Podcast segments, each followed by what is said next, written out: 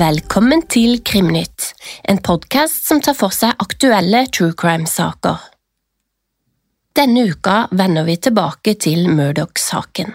Som dere hørte i episode to, så pågår en av USAs største rettssaker. Advokaten og familiemannen Alec Murdoch er i retten for drapet på sin kone og 22 år gamle sønn.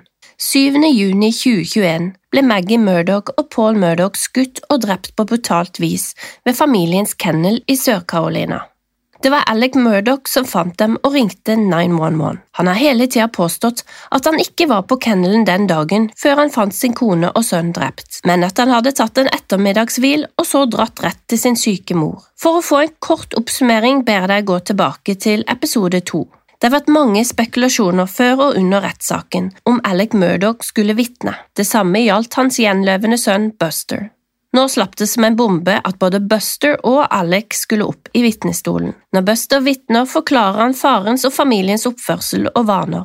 Dette har effekten av å stille noen av spekulasjonene rundt farens gjøremål kvelden familien ble drept. Data fra bilen til Alec viser at han kjørte hovedveien til moren istedenfor via kennelen, og parkerte på et uvanlig sted da han kom frem. Buster forklarer at dette er vanlig for faren, og at det ikke er mistenkelig. Han forteller også at etter mordene var han sammen med faren dag og natt, noe som indirekte sier at faren ikke kunne kvittet seg med blodige klær eller våpen. Etter to timer i vitneboksen har Buster svart på uavklarte spørsmål og gjort sin fars forklaringer mer troverdig. Så, 20 måneder etter mordene, 23. februar 2023, setter Alex seg i vitneboksen. Det kom som et sjokk for mange at forsvarerne tok sjanse på å sette Alec i vitneboksen. Dette åpner opp for at aktor virkelig kan få grilla Murdoch. Det første som skjer, er at forsvaren spør Murdoch om han drepte kona og sønnen. Dette benekter han. Rett etterpå kommer det frem at Alec Murdoch har løyet for politiet i avhør, for familien og for venner i 20 måneder om hvor han var drapsnatta. Eller rettere sagt, hvor han ikke var. Han har hele tida hevda at han ikke var på kennelen hvor drapene ble begått, til tross for at syv vitner som kjenner han godt, har gjenkjent stemmen hans i en Snapchat-video tatt av Paul like før han døde.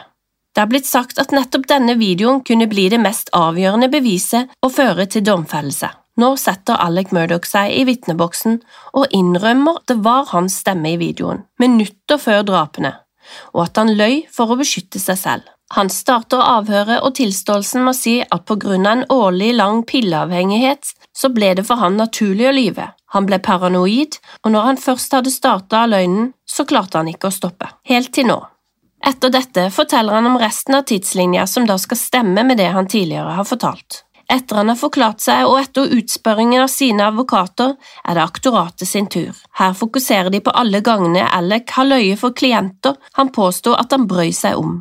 Han har ikke bare løyet, men stjålet millioner av kroner i erstatningssummer der han har representert dem. Dette har vært sårbare klienter og også mindreårige. Det har også vært familien til deres egen hushjelp som døde hjemme hos Murdoch. Aktor ønsker at Alex skal fortelle om en gang han så dem inn i øynene og løy, noe Alec gang på gang unnviker. Han er advokat selv, og nå ser vi to advokater som dunker hodene mot hverandre, og det blir nesten et metaspill. Jeg vet at du vet at jeg vet. Ved Alex sin nye løgn i lyset ble vinduet der en ukjent kan ha kommet inn og drept og skutt familien hans, uten at han hørte eller så noe, veldig liten. Likevel er det åpenbare beviset og videoen forklart, og det skal bare én jurymedlem til for å få hung jury. Om en av jurymedlemmene kan relatere seg til avhengighet, er det kanskje det som skal til. Krimnytt vil følge saken videre, og Krimprat vil ha en miniserie om denne omfattende saken. Så skal vi til en sak som har fått mye medieoppmerksomhet. 27. januar 2023 forsvinner 45 år gamle Nicola Bully fra St. Michael's on Wire, Lanchester i England. Politiet har uttalt at de ikke tror hun er utsatt for noe kriminelt. Politiets hovedteori er at Nicola falt ut i elven Wire.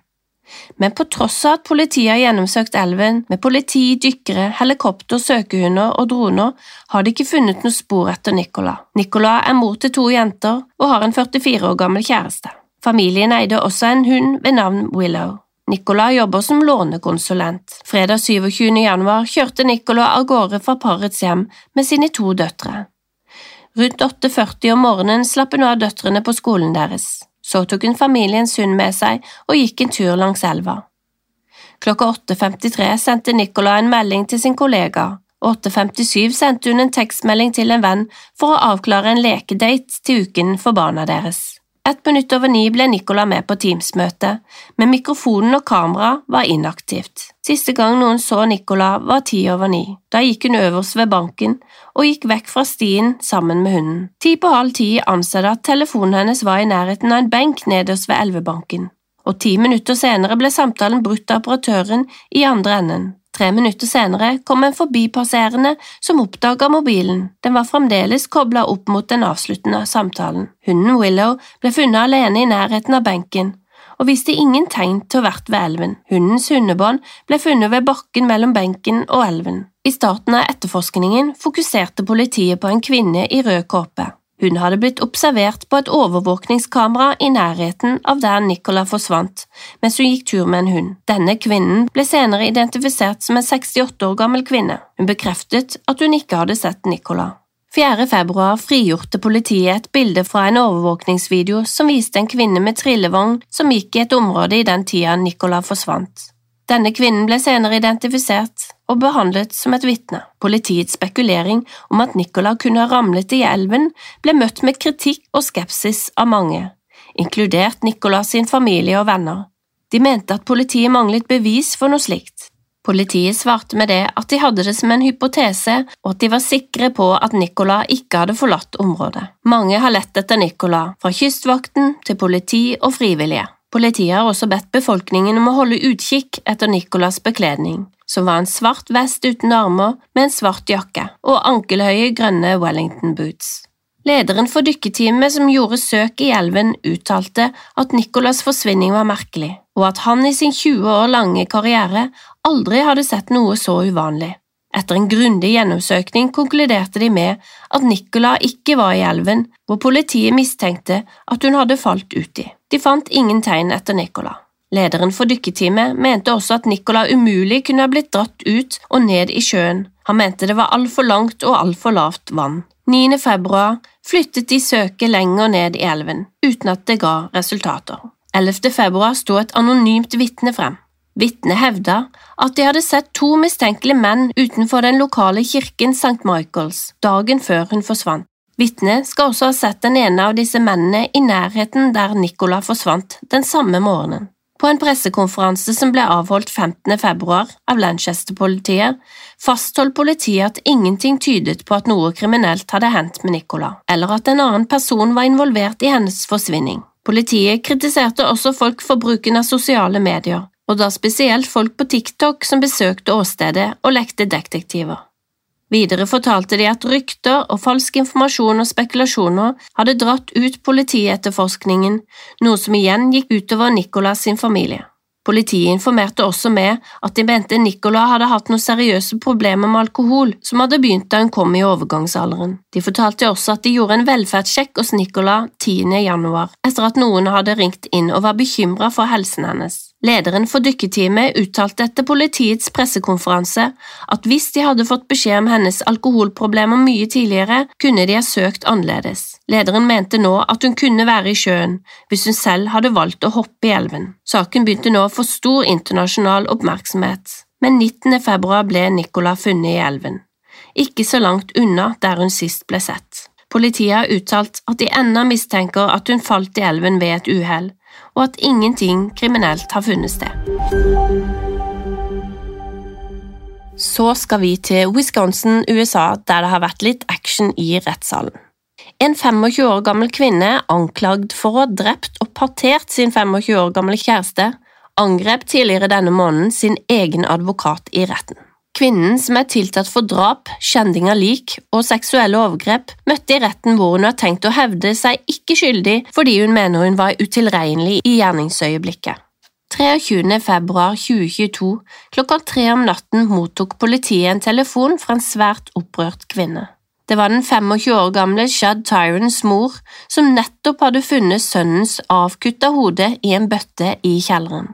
Kort tid etter hadde politiet funnet hans kjæreste, 24 år gamle Tyler Shabisnes, i hjemmet hennes. Hun hadde ifølge politiet størkna blod på klærne sine. De skal også ha funnet en trykkoker i bilen hennes, en van som skal ha inneholdt kroppsdeler, inkludert bein. Taylor skal ha fortalt politiet at hun og Shad hadde røykt metamfetamin og tilbrakt dagen sammen. I moren til Shad sitt hus hadde politiet, i tillegg til hodet i bøtta, også funnet et mannlig kjønnsorgan. I et annet skap hadde de funnet overkroppen. Kniver ble også funnet i nærheten av kroppsdelene. Politiet har uttalt at de mente Shad ble kvalt. Politiet har uttalt at de mente Shad ble kvalt før kroppen hans ble partert. Dette skal Taylor selv ha fortalt politiet.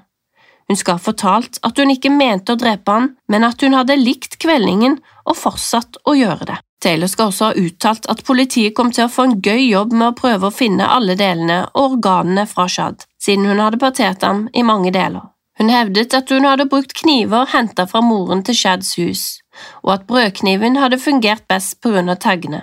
Når Taylor ble stilt for retten i forbindelse med fengslingen i 2022, ble kausjonen satt til to millioner dollar i kontanter, på grunn av sakens grove, voldelige og sjokkerende natur. Shad Tyron, som ble brutalt drept, ble av venner og familie beskrevet som en ung gutt som likte å campe, spille spill og tilbringe tid med familien sin. Han var svært snill og omsorgsfull, en person som satte andre foran seg selv. Rettssaken med Taylor starter snart, og i en video som du kan se på YouTube-kanalen Inside Edition, kan man se Taylor kaste seg mot advokaten sin og angripe han under en høring i februar i år. Advokaten forsøker å få overtak på henne frem til en politimann når frem og legger henne i bakken. Taylor forsøker å komme seg løs ved å skubbe seg bakover og slå beina sine rundt politimannen. Flere politifolk kommer til, og etter å ha fått kontroll på henne blir hun ledet ut. Senere skal Taylor ha spurt politifolkene hva som skjedde, og de skal forklart henne at hun hadde angrepet sin egen advokat. Rett før angrepet hadde advokaten hennes spurt om å få en to ukers utsettelse for å gi et ekspertvitne tid til å snakke om Taylor er kompetent for en rettssak eller ikke. Etter hendelsen har advokaten trukket seg som forsvarer for Taylor. Rettssaken er satt til å starte i mai, og 6. mars skal det avgjøres om Taylor kan stå i en rettssak. Mye tyder på at Taylor blir dømt for drapet, men vil hun bli erklært utilregnelig? Det var alt vi hadde i denne uka. Gå gjerne inn på Krimnytt på Instagram og tips oss om aktuelle saker. Du kan også lytte til Krimprat med Lise og Fiona, der vi forteller hele historier og også har krimprat etterpå. Vi høres igjen neste uke.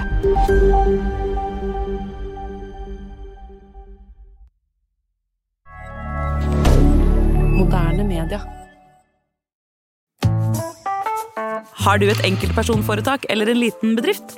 Da er du sikkert lei av å høre meg snakke om hvor enkelt det er å sende faktura med fiken. Så vi gir oss her, fordi vi liker enkelt. Fiken superenkelt regnskap. Prøv gratis på fiken.no.